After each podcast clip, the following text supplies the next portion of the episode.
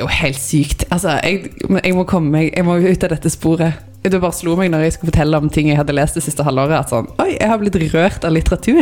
Og det pleier jeg ikke å bli. Jeg pleier ofte å være litt sånn Å, dette var kjekt, på en måte. Altså. Du slår ikke meg som en som griner så ofte. Nei, jeg gjør ikke det. Og jeg, altså sånn jeg, Ja, jeg, jeg gråter veldig sjeldent av film. Altså, jeg forstår når man kan gråte. Sånn, det kan jeg forstå. Men jeg gjør det ikke. Men eh, da vi funnet Hanna sin svakhet. Det er essaysamlinger av kvinnelige forfattere eh, som har vanskelige forhold til sine fedre. Hallo og velkommen til Sølvbergets podkast. I dag har vi en episode som er noe utenom det vanlige, for vi er rett og slett eh, hjemme hos Tale. Dobbert. Hallo. Jeg og Hanna som sitter ved siden av meg, har gjort en midlertidig klassereise. Vi, vi, vi har beveget oss fra eh, like innenfor Pedersgaten helt til eh, den vestre delen av byen. Og vi kan se eh, langt vestover og langt sørover fra disse magnifikke vinduene som de har på den delen av byen. Det vi føles privilegerte og heldige, rett og slett, som får lov å komme hjem til Tale. Og eh, Tale i ekstra godt humør, for eh, vi har jo lært at hvis det er én ting Tale elsker, så er det spesialepisoder. Og dagens episode er en sånn spesialepisode, og vi skal prøve å gjøre det en gang i halvåret omtrent. Og det er rett og slett en oppsummering av uh, ting vi har lest i det siste og likt. Eller sett av film.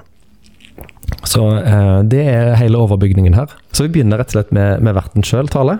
Takk for at vi fikk komme. jo, bare hyggelig. Um, jeg, nå, det må jo sies at det nærmer seg jul uh, og slutten av året. Og det er jo en tid for refleksjon for mange av oss. Og jeg har hatt et sånn lite prosjekt hvor jeg liksom tar opp tråden med noen venner igjen som jeg ikke har snakket med på lenge. Så jeg har skrevet til min venn Kristine, som jobber på Nesodden bibliotek, for å få noen gode boktips. Og hun kom med et eh, boktips som jeg eh, ender opp med å kanskje tenke var en, en av de kjekkeste opplevelsene jeg har hatt eh, siden sist personlig episode, i hvert fall. Hun anbefalte meg Leonora Carrington sin Høyreluren, som ble utgitt på Samlaget i 2022.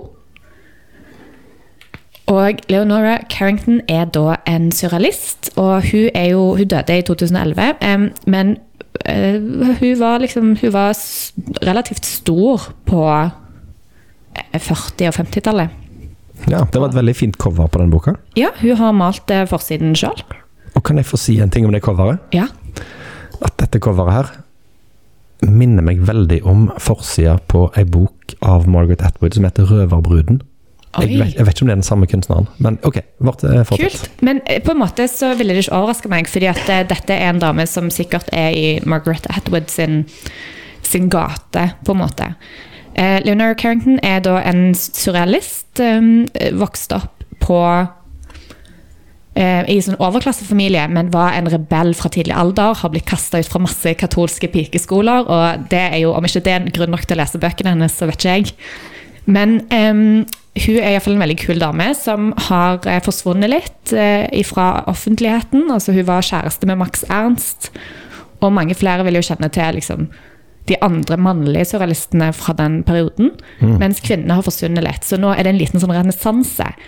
Og så må jeg også si at det går an å låne biografien om Leonora Carrington, som kom ut i 2019, Ja. hvis dere er interessert. Men uh, bare for å ta det ordet først, da. Jeg forbinder jo surrealisme med uh, visuell kunst. Eh, malerier og sånne ting. Salvador Dali. Ja. Hva er surrealistisk litteratur? Ja. Surrealistisk litteratur er jo på en måte Jeg tenker det er liksom burlesk. Det er veldig mye som skjer. Masse oppfinnsomhet og eh, et univers hvor ting er helt naturlig, som egentlig kanskje ikke ville skjedd. Um, men det jeg syntes var så gøy, var at når jeg begynte å lese Høyreluren, så tenkte jeg altså For det første begynte jeg å le etter kanskje sånn tre sider. Så en veldig humoristisk tekst. Og for det andre så tenkte jeg herregud, så moderne denne kunne vært skrevet nå. For den tar opp tema som feminisme, klimakamp, em, ja, altså kamp mot patriarkatet, det er transpersoner, det er skikkelig sånn utrolig mye aktuelle tema som blir tatt opp. Og hovedpersonen hun heter Marianne, og hun er 92 år. Og så lever hun eh, sammen med familien sin, og de er skikkelig kjipe. Leonora er, hører veldig dårlig. Hun har bare blitt stua vekk i et, sånn i et bakrom. Het hovedpersonen Leonora? Nei, unnskyld! Det, eh, det, var, ja, det var bra du spurte meg om det, for det var helt feil. Jeg mener Marianne. Marianne eh, er blitt stua vekk i et bakrom. Hun har de to, eh, høn, de to kattene sine og en liten rød høne som legger egg på sengen hver dag.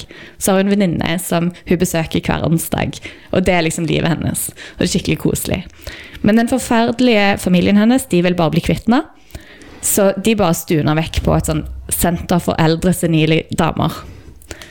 Og der begynner det veldig raskt å skje mystiske ting. Og det trekkes linjer til liksom 1700-tallet og eh, sataniske nonner og mye veldig veldig spennende greier som skjer.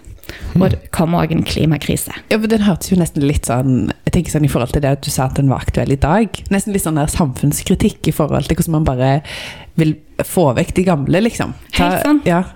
Det er kjempe, og det er så gøy, fordi at disse gamle damene er jo super eh, rå, ressurssterke personer og veldig morsomme.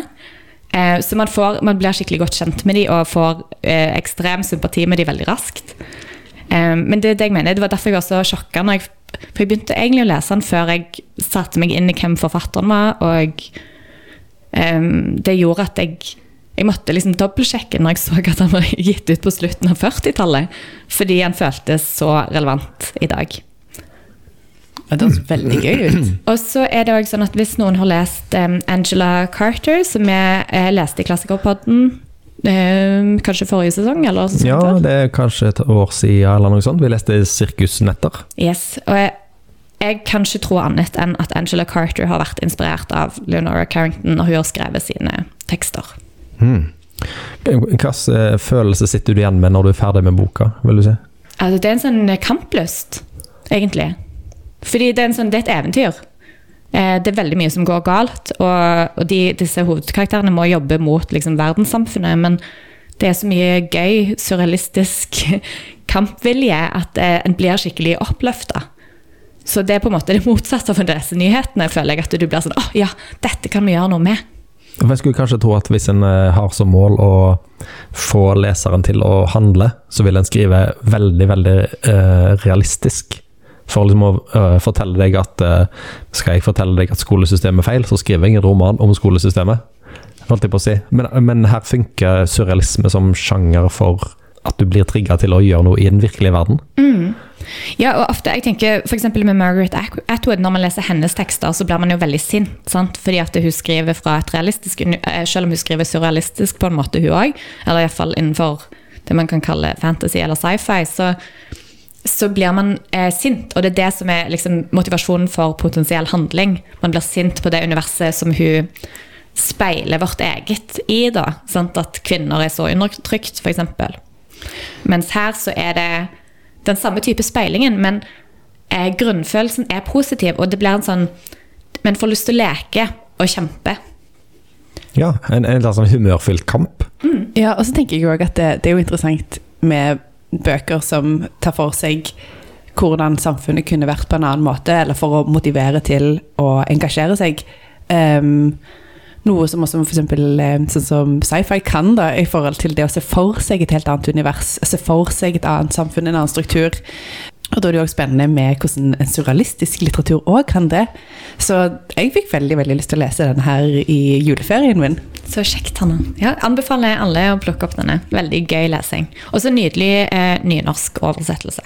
Åh, elsker nynorsk. Jeg kommer jo til å tenke på eh, vårt eh, fjerde podkastmedlem som ikke er her, nemlig Thomas Gustafsson. For jeg lærte jo i år at eh, eh, det svenske ordet for det dere har på hodet, eh, hodetelefoner, det er hørlur.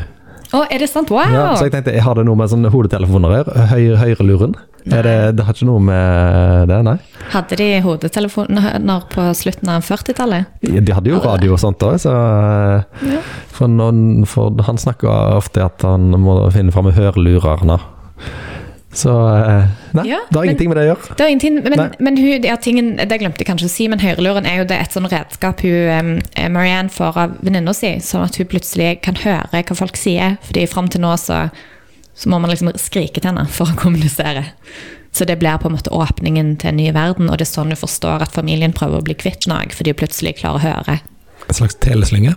Ja, Eh, Og Tale, du eh, bor jo i et eh, filmbelasta hjem, så du har en film du vil anbefale til oss. Jeg har en film jeg vil anbefale, ja. Og den, eh, den heter Apollonia Apollonia, og den kan ses på strømmetjenesten Mubi, som han akkurat omtalte som den tjenesten der man kan se veldig langsomme svart-hvitt-filmer.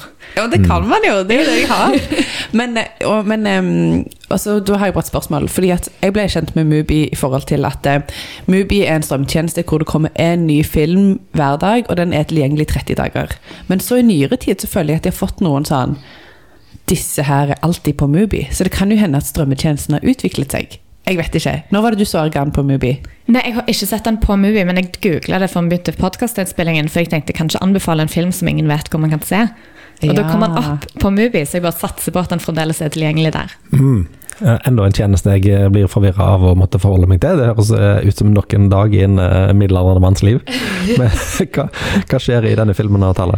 Ok, så Apollonia Apollonia er et um, Det er en dokumentar, et portrett av kunstneren Apollonia Sokol, som bor i Paris. Um, og dette er en film som um, Det er et kunstnerprosjekt pro, pro, Et kunstnerportrett som eh, også tar for seg dokumentarfilmskaperen som en dansk filmskaper.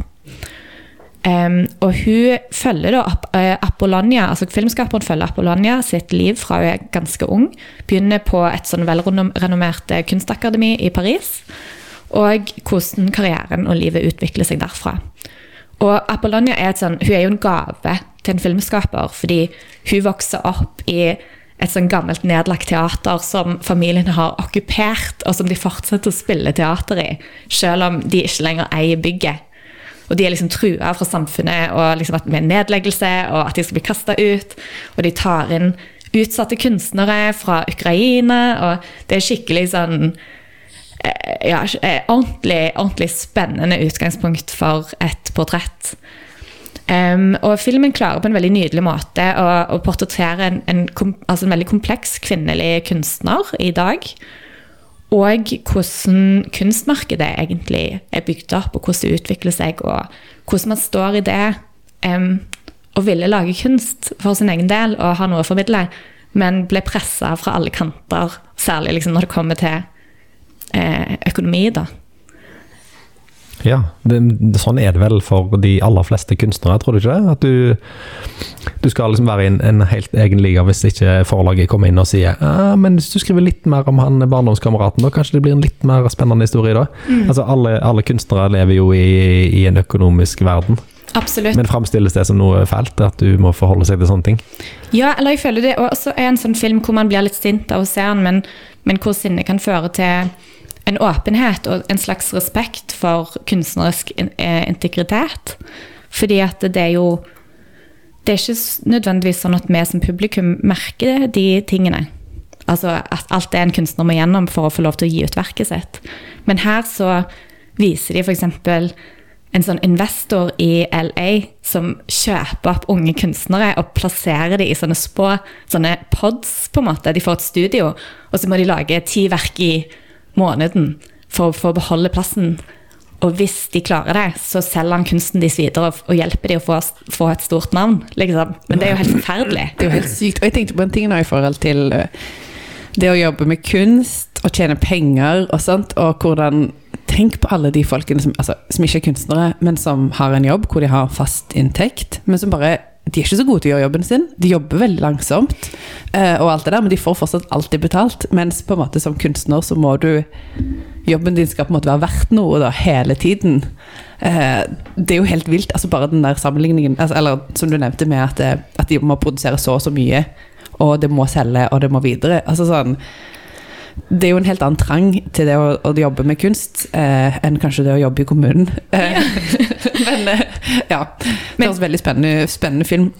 Ja, og den, er, den er virkelig er veldig engasjerende og eh, spennende portrett.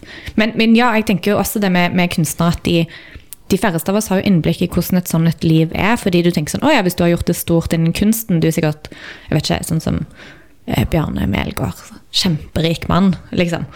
det, men så ligger det så utrolig mange år med veldig hardt og eh, virkelig harde, harde år av livet bak en sånn kunstnerkarriere. Men det kom jo nettopp fram at han hadde jo også nesten altså Akkurat som du fortalte, han ble jo eh, Ok, dette er gjenfortalt etter hukommelsen, men jeg hørte NRK sin oppdatert podkast hvor de fortalte om at han hadde også gjort en sånn avtale med en eh, galleririking, eller kanskje ikke han var en galleririking, kanskje han bare var en riking. Og så skulle han få et studio i New York og produsere så og så mye som de måtte selge videre og sånne ting. Så han havna jo akkurat i den der eh, samme cellen sånn som de andre kunstnerne, fordi plutselig nå så ser du jo at eh, kunsten hans er til salg liksom hos eh, Anja, Anjas eh, galleri, typ, altså eh, ikke et prestisjetungt eh, galleri, liksom. Hvem som helst kan selge Bjarne Melgaard sine verk, fordi det plutselig eksisterte det så ekstremt mye av dem. Mm. Men, Eh. men, men kunst har jo alltid blitt til i en symbiose med noen som har penger.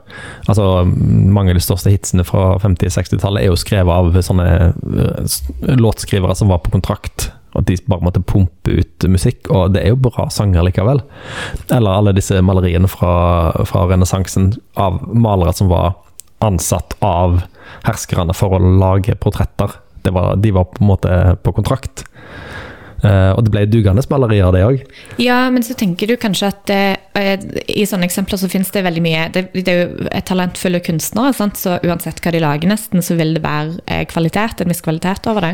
Men at eh, de verkene som virkelig Som vi ser på som ekstra verdifulle i ettertid, er jo gjerne ting som de har lagd utenfor de rammene, eller på toppen av, som ikke har vært bestillingsverk, på en måte. Det kan godt være, men samtidig så tenker jeg at eh, de gangene jeg utsetter meg sjøl for å se f.eks. noe sånn director's cut av en eller annen film, så er det, og hvor regissøren endelig har fått uh, lagd den filmen han drømte om uten disse idiotene fra studioet sin innblanding, så er det bare ekstra langt og ekstra kjedelig. Det har ikke vært noen strenge folk inne og sagt kutt driten ut, få det vekk, dette er kjedelig. Det høres ikke ut som du skal få deg et medlemskap på Mubi, da. Ja, men jeg har sett uh, director's cut av uh, f.eks. Uh, Apokalypse nå. Snork. Ja, men der må han jo òg si at det er, kanskje, det er kanskje litt spesielt for film, men der er det jo så mange ledd hvor det er ekstrem kontroll, hvor ting har gått galt underveis. Altså, Apokalypse nå er jo en sagnomsust innspilling òg, fordi at alt gikk galt, og den varte i evigheter. Ja. Så det er jo, der har jo ting gått galt fra begynnelsen av. på en måte. Da kan det være litt vanskelig å redde det inn med en director's cut. Må iallfall ikke lage lenger, da. Det er, jo, aldri noen director's cut som er kortere. Men apropos eh, eh, filmer som har gått galt, eh, og strømmetjenester. Fordi at vi har jo en på biblioteket som heter Filmweb, som jo er gratis hvis du er låner, og, og spesielt ved Sølvberget. Vi har medlemskap, så da kan alle eh, logge seg inn der. Um, en av de første filmene jeg så der, var en som jeg ikke husker hva heter, men det handler om en sånn operamann som skal flytte et stort uh, skip Og uh, Fitzcarraldo. ja, ja, ja. ja. Og d- i den innspillingen også forsto jeg at det var sykt mye som gikk galt, fordi at han, regissøren mente at de skulle flytte dette her for hånd, og folk døde underveis. Altså, det var helt krise.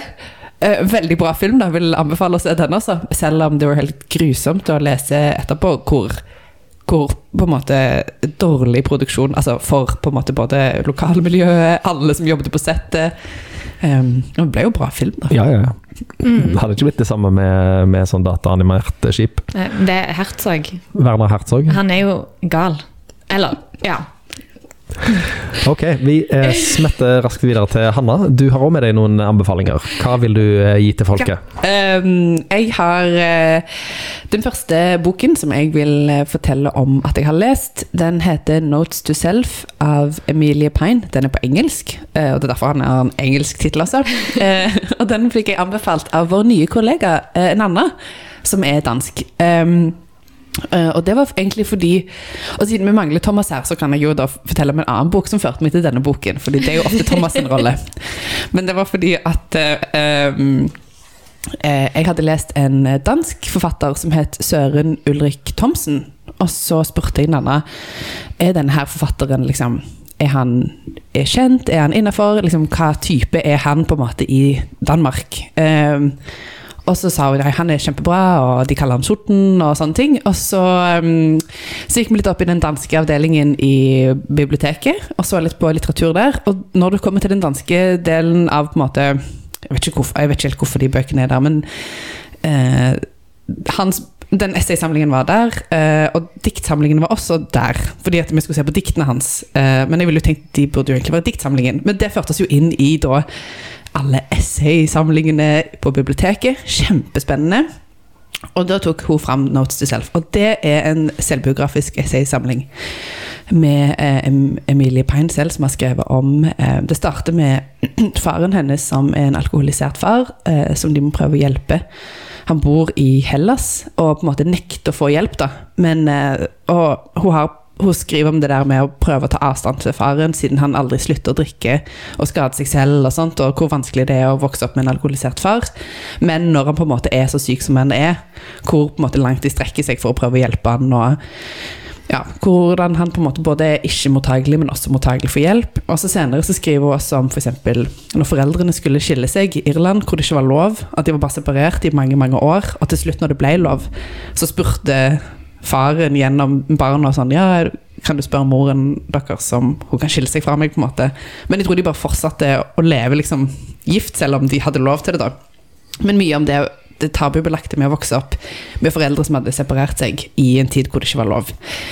Um, så, skriver hun mye om på en måte det å ha en karriere, og hvordan på en måte jobbe som akademiker. Um, og så har hun et utrolig fint eh, essay om det å være ufrivillig barnløs, hvor hun skriver om at hun prøver for å få barn, og så, blir, så går det ikke så bra, og så blir søsteren gravid. Og da blir hun ikke glad på søsterens vegne, hun blir bare sur fordi hun selv ikke klarer det. Og så dør barnet til søsteren på en måte nesten i slutten av svangerskapet. Og så er det bare så sinnssykt eh, Så utrolig trist. Og så begynte jeg å gråte av den boken, og det står på coveret sånn 'Ikke les denne boken i offentligheten'. Og jeg gråter aldri av bøker. Og jeg bare tenkte, hva har skjedd med meg? Dette er jo helt uh, vilt. Skal, er dette mitt nye liv? Skal jeg gråte av bøker? Um, men så det har uh, Det har skjedd. Og så Det fikk meg til å tenke på den andre boken jeg også har grått av det siste halvåret. Eh, og det er Judith Herman sin eh, bok 'Vi skulle fortalt hverandre alt', som er oversatt til norsk på Pelikanen forlag. Som ble skrevet av eh, Herman i 2022 eh, for å holde det årlige poetikkforelesningen ved Goethe-universitetet i Frankfurt, som er et sånn veldig prestisjetungt eh, foredrag. da. Og det starter med at hun er ute på bar med en venn, og så ser hun psykiateren sin. Og så bestemmer hun seg, og det er klokken tre på natten, eller noe sånt, og så går han inn på en sånn mystisk bar, og så bestemmer hun seg for å følge etter han. Så sier vennen sånn Jeg kan vente her ute, men hvis du ikke kommer ut etter en halvtime, så går jeg hjem. Så tenker jeg bare sånn så Trolig, tenk å ha en venn som sier sånn Jeg bare sitter utenfor baren, du kan få lov til å gå inn og snakke med psykiateren din hvis du vil. Um, og så åpner det opp en sånn erindring om på en måte hennes egen oppvekst med foreldrene sine um, i, i Berlin, og det å på en måte være med sin familie som ikke fungerer helt optimalt. Hun har en psykisk syk far, en, og de bor sammen med bestemoren og moren, og senere får hun noen søsken. Og så møter hun en venn som snakker om at man kan helt fint forlate familien sin og lage sin egen familie. Og så begynner hun å tenke på dette med å velge sin egen familie eh, versus den familien man er født inn i. Og så er det en scene i denne boken som går det dette kompliserte forholdet til faren, som har dekket til et sånn um, Hun har bursdag, og så har de gått ut på teater, og så sier hun at kanskje det var mer hun som tok ut faren sin på teater, enn at han liksom tok med henne ut for å feire bursdagen. For hun følte liksom, syntes litt synd på han og måtte ta vare på han. Og så går de på en bar etterpå, og så blir klokken tolv, og da tar han opp fra vesken sin et lite lys og en kakestykke og en liten bukett som han har plukket fra terrassen. Og de bor i en veldig sånn falleferdig leilighet som alle andre er sånn tvangsflytta, men de nekter å flytte. Og den buketten består av annet gress. Altså Det er noen fine blomster, og så er det gress. Og så tenker Jeg bare sånn, jeg ser for meg denne gjengrodde på en måte terrassen. Noen steder så kommer det jo gress på terrasser, selv om man bor høyt oppe. Og bare at han har liksom jeg vet ikke, Det er noe med sånn, en håpløs far som har prøver så godt han kan og tenker at dette, dette skal han gjøre, og så skriver hun liksom sånn Dette var kanskje siste gang min far skulle dekke et bursdagsbord til meg. Og så bare Jeg syns det var så utrolig sånn Det var utrolig trist, men også utrolig sårt og veldig fint samtidig. Den der, eh, det der håpløse med at man på en måte må være sammen selv om man på en måte har sine utfordringer, da. Og så møtes man på disse ulike litt sånn merkedagene eller tingene som gjør at man er en familie for det. Ja. Det var mine to gråtebøker. Det var veldig rørende. Hva, hva legger du i den tittelen 'Vi skulle fortalt hverandre alt'? Nei, ja, jeg vet ikke helt. Jeg, jeg tror hun Jeg må si, husker om hun nevnte det i teksten, men Men øhm, Jo. eh, Det var hun har en Jeg vet hva det Eller jeg vet svaret. Eh, Det var at hun har en venn som på en måte hun møter ofte.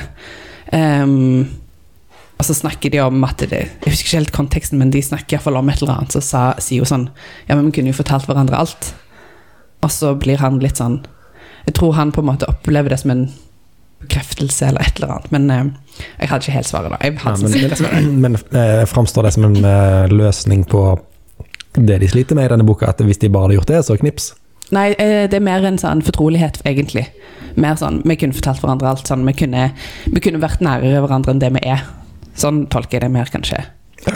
Mm. Men var det ikke du som sa ved en annen anledning om denne boken, Hanna, at eh, Jode Terman er jo det er jo det hun ikke gjør, på en måte. Ja. Altså, hun er jo en, en forfatter av få ord, på en måte. Det er alltid veldig mye undertekst og litt sånn en rolig tone i tekstene hennes. Mm.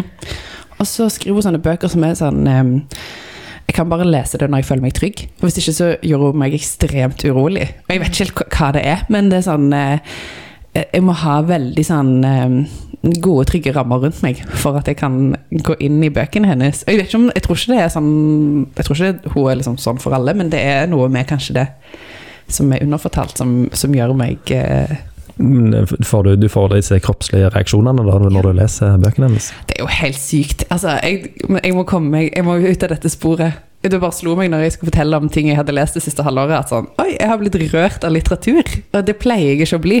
Jeg pleier ofte å være litt sånn Å, dette var kjekt, på en måte. Altså. Du slår ikke meg som en som griner så ofte. Nei, jeg gjør ikke det. Og jeg, altså sånn jeg, Ja, jeg, og jeg gråter veldig sjelden av film. Altså, jeg forstår når man kan gråte. Sånn, det kan jeg forstå. Men jeg gjør det ikke. Men eh, da vi funnet Hanna sin svakhet. Det er essaysamlinger av kvinnelige forfattere eh, som har vanskelige forhold til sine fedre. Å, det er fantastisk. Det- Dette, og Åsmund har jo fortalt meg om en bok eh, eh, hvor, som eh, han hadde lest på nytt nå. 'Hvordan eh, elske sin far og overleve'. samtidig, Ja, eller- den, den må dere lese av Vetle Lie Larsen. 'Hvordan elske en far og overleve', fra 2015. Om eh, hans forhold til sin veldig berømte far, Lars Andreas Larsen. Den er, det er den beste boka om uh, foreldre og barn uh, jeg har lest på mange år. Den er, og den er noe av det morsomste jeg har lest òg. Kanskje det er den jeg skal lese i Den julen er sammen deg. steinbra. Den er, det er så mange setninger eller scener jeg husker fra den, som bare jeg bare begynner å le når jeg eh, tenker på det. Men det var ikke det jeg skulle anbefale denne gangen. Jeg har med to bøker, og de er på en måte tilpassa julehøytiden vi nå skal inn i. Eh, Jeg har sett for meg eh, to eh, lesescenarioer her. Den første boka jeg skal anbefale, er for deg som egentlig ikke har tid å lese i jula, men som er bundet opp i alle seremoniene og pliktene og middagene og eh, selskapene og alt, og føler at det blir litt lite tid til lesing oppi alt sammen. Det er ei bok som kom ut i eh, 2022, tror jeg, av en forfatter, forfatter som heter Jeff Dyer. Han skriver G-E-O-F-F. Dyer med Y. Han var på kapittel for noen få år siden, og han er en av de beste essayskribentene som fins, vil jeg si. Har han et vanskelig forhold til faren sin? Det vet jeg ikke, jeg tror han driter i det. Han, han, han skriver litt at han hadde noen eh, arbeiderklasseforeldre, men han har, han har distansert seg fra de for lengst, eller han bryr seg ikke. Eh, det er ikke en del av hans eh, prosjekt å skrive om familien sin. Men den heter The Last Days of Roger Federer and Other Endings. Og dere vet jo selvfølgelig like godt som meg at Roger Federer er denne sveitsiske tennisguden som nå har lagt opp. Og det er ei bok om ting som tar slutt om slutten på alt mulig. Slutten på, på livet, slutten på musikere sine karrierer, slutten på eh, historiske epoker. Eh, samtidig som det er en fortelling om eh, mange lignende hendelser fra hans eget liv. Og hvis dere ser inne i boka her nå, dere som er i rommet, så ser dere at alle kapitlene er veldig korte, og de er delt opp med tall. Første kapittel er 01, det er bare ett avsnitt. Og 02 er ja, et bit, litt kortere avsnitt. Og 03 enda kortere avsnitt. Og 04 er på halvannen side. Så du rekker her å lese iallfall et par eh, en sånne nummer mens du eh, rører i en saus, eller mens eh, grevinnen og hovmesteren pågår, så rekker du å lese ganske mye i denne boka. Du føler at du gjør framskritt, samtidig som jula holder sitt jerngrep om eh, tidsskjemaet ditt. Det er jo helt fantastisk. Jeg elsker sånne bøker. Ja, Hvor sant? du tenker sånn nå, nå har jeg beriket livet mitt litt mer. Ja, og så er det heller ingen sammenheng nødvendigvis mellom eh, kapittel, eller eh, sekvens 1 og 2. Altså første sekvens her handler om um, siste sangen på, uh, på debutalbumet til bandet The Doors. Det er første kapittel. Og kapittel 2, eller del 2, handler om eh, sangen 'Tangled Up In Blue' av Bob Dylan. Nummer tre handler om eh, eh, en eller annen butikk han pleide å gå i i nabolaget sitt. Eh, og nummer fire handler om tennis. Så det, er, det er spretter fra det ene til det andre, akkurat som oppmerksomheten vår kanskje gjør når det er jul. Så dette er boka for deg som er liksom, i julehamsterhjulet, men vil lese litt likevel. Ja, det er veldig bra tips. Og, og det er gøy også med sånne bøker hvor du på en måte du får Eller jeg liker det veldig, veldig godt. At det, alt trenger ikke henge sammen. Sånn at hvis du har åpna den og lest litt, og så får du åpna den igjen senere, så trenger du ikke gå rundt og tenke sånn Å ja, hvem var den karakteren? Hvilken relasjon hadde de? Og sånne ting. Du kan bare lese litt. Ikke det hele tatt. Det er perfekt til de, de eh, julefeiringene av den typen. Og så har jeg ei bok til, og dette er den overlegent beste boka jeg leste i fjor. Eller i år, blir det vel. 2023. Og den tror jeg ingen av dere to ville plukka med dere hvis dere hadde sett dette coveret Definitivt i ikke. hyllene. Tale hever øyenbrynene opp i lampehøyde og tenker at dette kommer ikke til å skje. Det er veldig stygt. Unnskyld, covermaker i 1988. Denne boka heter 'Katteøye' og er skrevet av Margaret Atwood. Um, For å gi litt kontekst der, så kan jeg si at denne boka kom ut i 1988, tror jeg, på engelsk. Og det var hennes første bok etter eh, megasuksessen med The Handmaid's Tale, som kom i 1985. Eh, med The Handmaid's Tale så ble Atwood eh, megakjendis, og det har bare økt siden HBO-serien begynte å gå. Og 'Katteøyet' er eh, en oppvekstskildring av livet i Toronto, rundt om der, på 40-tallet, eh, oppover mot 60-tallet. Så vidt jeg vet, så har Margaret Atwood aldri skrevet en selvbiografi, men dette er sannsynligvis det nærmeste vi kommer. For det er, det er en sånn egen nerve i denne boka som jeg ikke finner i noen av de andre bøkene hennes.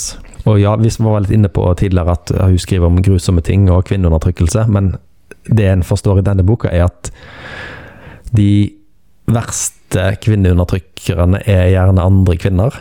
Eh, og denne boka handler mye om mobbing blant barn.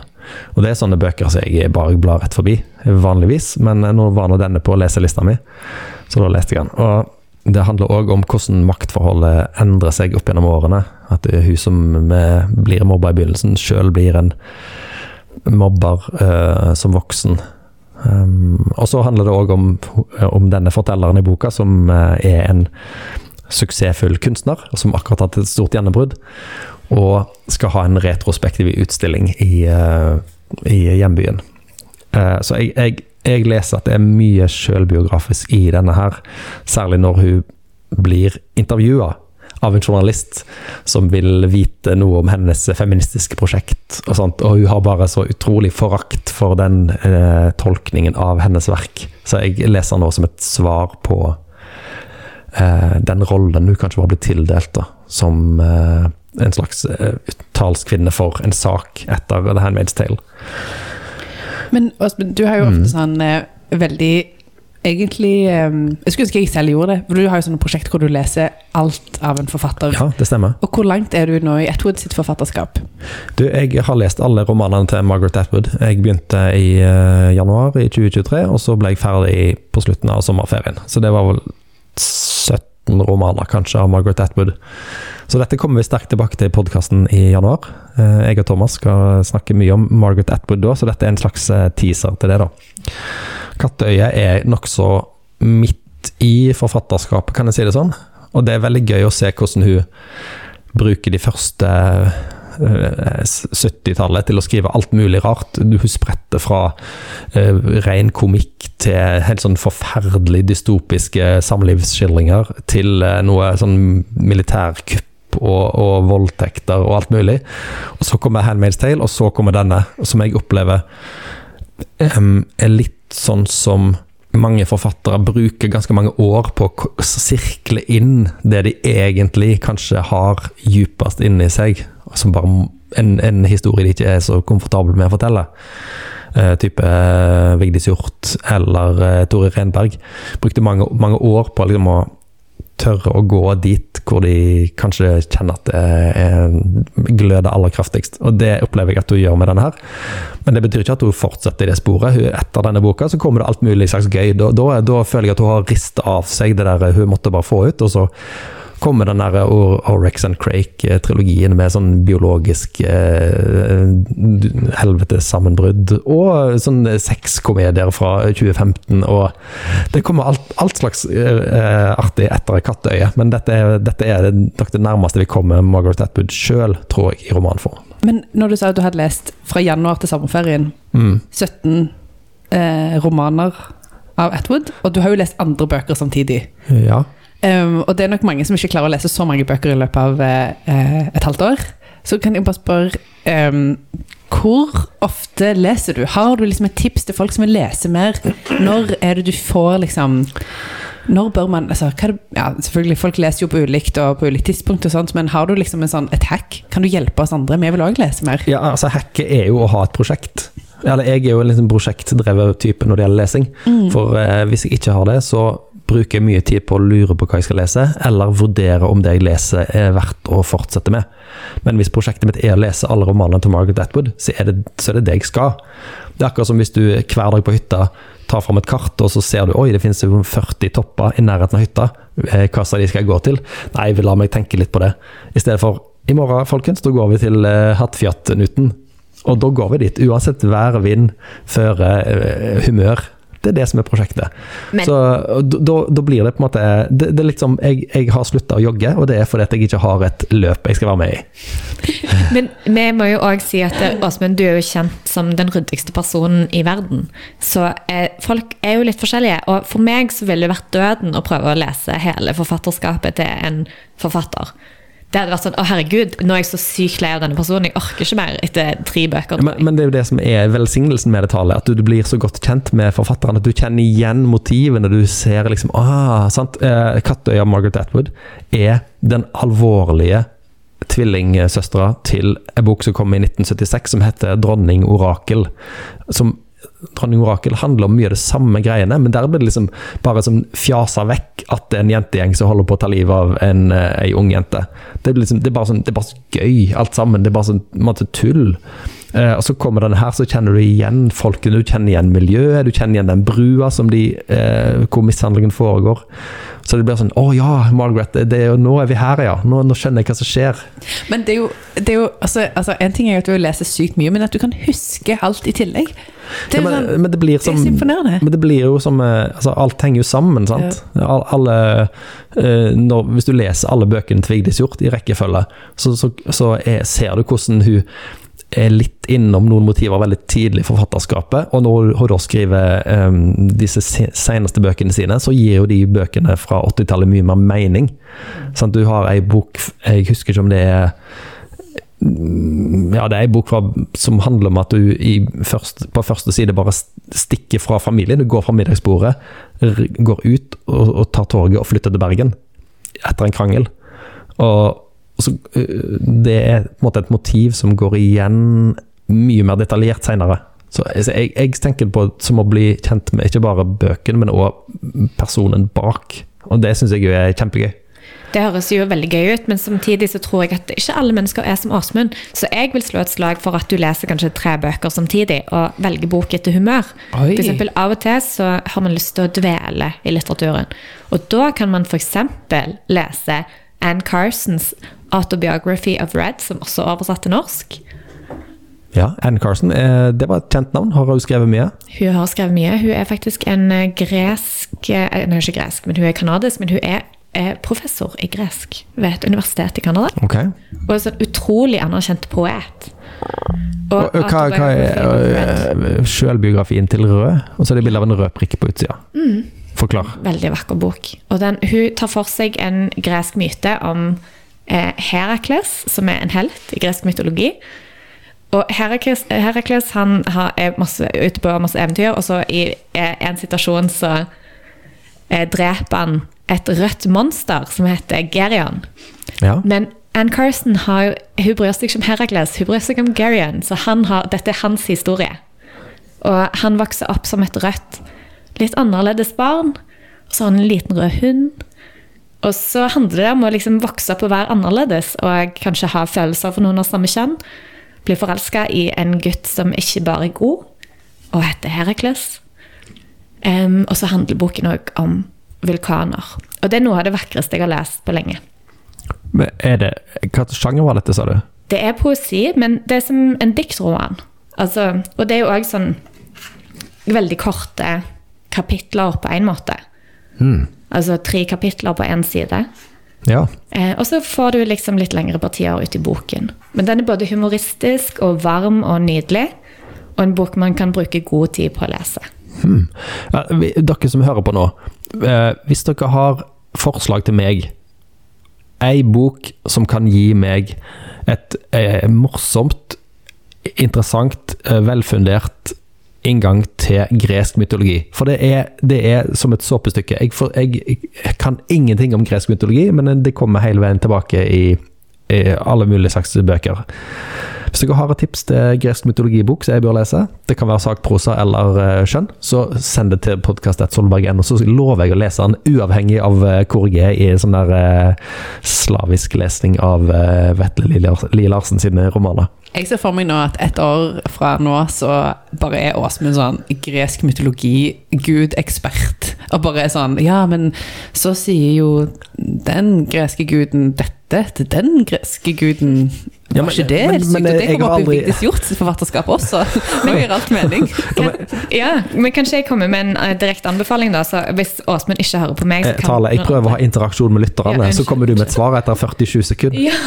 What's the point? Men Stephen Fry sin Mytos eh, tror jeg er et verk som har fått eh, veldig mange til å eh, huske på gresk mytologi. Men det er jo eh, Altså, jeg finner stadig referanser og gjenfortellinger av myter i kjente forfattere sine verk. Så jeg tror at det, det kommer til å åpne seg så mye hvis du går til kilden. Ja, for jeg har, så, jeg har et sånn store hull i min dannelse her, men det er fordi jeg syns at mytologi er dødskjedelig. Å, men det er jo så gøy! Jeg syns det er kjempekjedelig med sånn romerske og norrøne og greske guder. Jeg blir sånn Hvis jeg åpner en bok med det, så bare glir øynene igjen, og jeg får lyst til å sjekke Facebook etter fem sekunder. Men eh, du leste jo nettopp Cæsar sin selvbiografi. Ja, men det er, har skjedd, Tale. Dette er mannens egne ord om hvordan han har hogd ned 40 000 gallere. Det er jo noe eh, historisk. Ja, men det er jo mange historiske personer som dukker opp i mytologien òg. Eksempel, eh, vet ikke jeg, Akilles. Jesus. Han dukker ikke opp i gresk mytologi. Nei, eh, som sagt, send inn eh, gresk mytologi-lesetips, så skal jeg love å lese det. Men òg og eh, apropos det å, å utvikle seg selv som leser, som jo egentlig det jeg er mest interessert i å snakke om, så var det jo spennende at Tale liker å lese tre bøker samtidig. For det føler jeg er sånn, det er mange som på en måte leser mye samtidig, og så enten så klarer de å huske hva de ulike bøkene handler om. Men hvis du er sånn som meg, så husker du jo ikke det. Fordi da tenker du at alle de bøkene handler om det samme. Ja, jeg leser jo flere bøker samtidig. Nå holder jeg på med ei bok som jeg kommer til å, å, å mase mye om eh, til alle på jobb, som heter 'Geografiens makt'. Som er en slags eh, Dere kjenner begrepet prismelitteratur? sant? At du bruker én spesiell innfallsvinkel for å forklare hele verden. Oh, ja. Sånn type fotball forklarer verden, eller ja Eller har Terje Tvedt sine bøker om eh, vannveiene sin betydning for hvorfor England ble eh, industrialisert før Kina, f.eks. Men geografiens makt handler om eh, plasseringen av fjellkjeder og elver og hav. Det har, eh, hvorfor det har gjort at f.eks. Eh, eh, Vest-Europa ble mye tidligere eh, av handel og utveksling enn Afrika, f.eks. Oi, det høres Altså, altså nat hvordan naturen legger føringer for hva Ja. samfunn som kan utvikle seg. Det, Det er bare, det er bare som å lese smågodt. Ja, det er jo det- masse trivia og gøy. Og apropos det, det er jo liksom sånn når du går tur et sted, og så ser du en elv, ikke sant? Så tenker du bare Hva har de produsert her? Ikke sant? For du vet at en elv, det fører til energi, og derfor kunne man bygge et samfunn rundt den elven, f.eks. Sånn som Ja. Akerselven er jo Eller grunnen til at Kristiania ble utvida. Fordi at Ja, ok, samme det. Men Mm, eh, ja. Men nå føler jeg eh, det må nevnes at eh, Hanna er museolog, eh, så tenker jeg kanskje annerledes på elver enn andre gjør.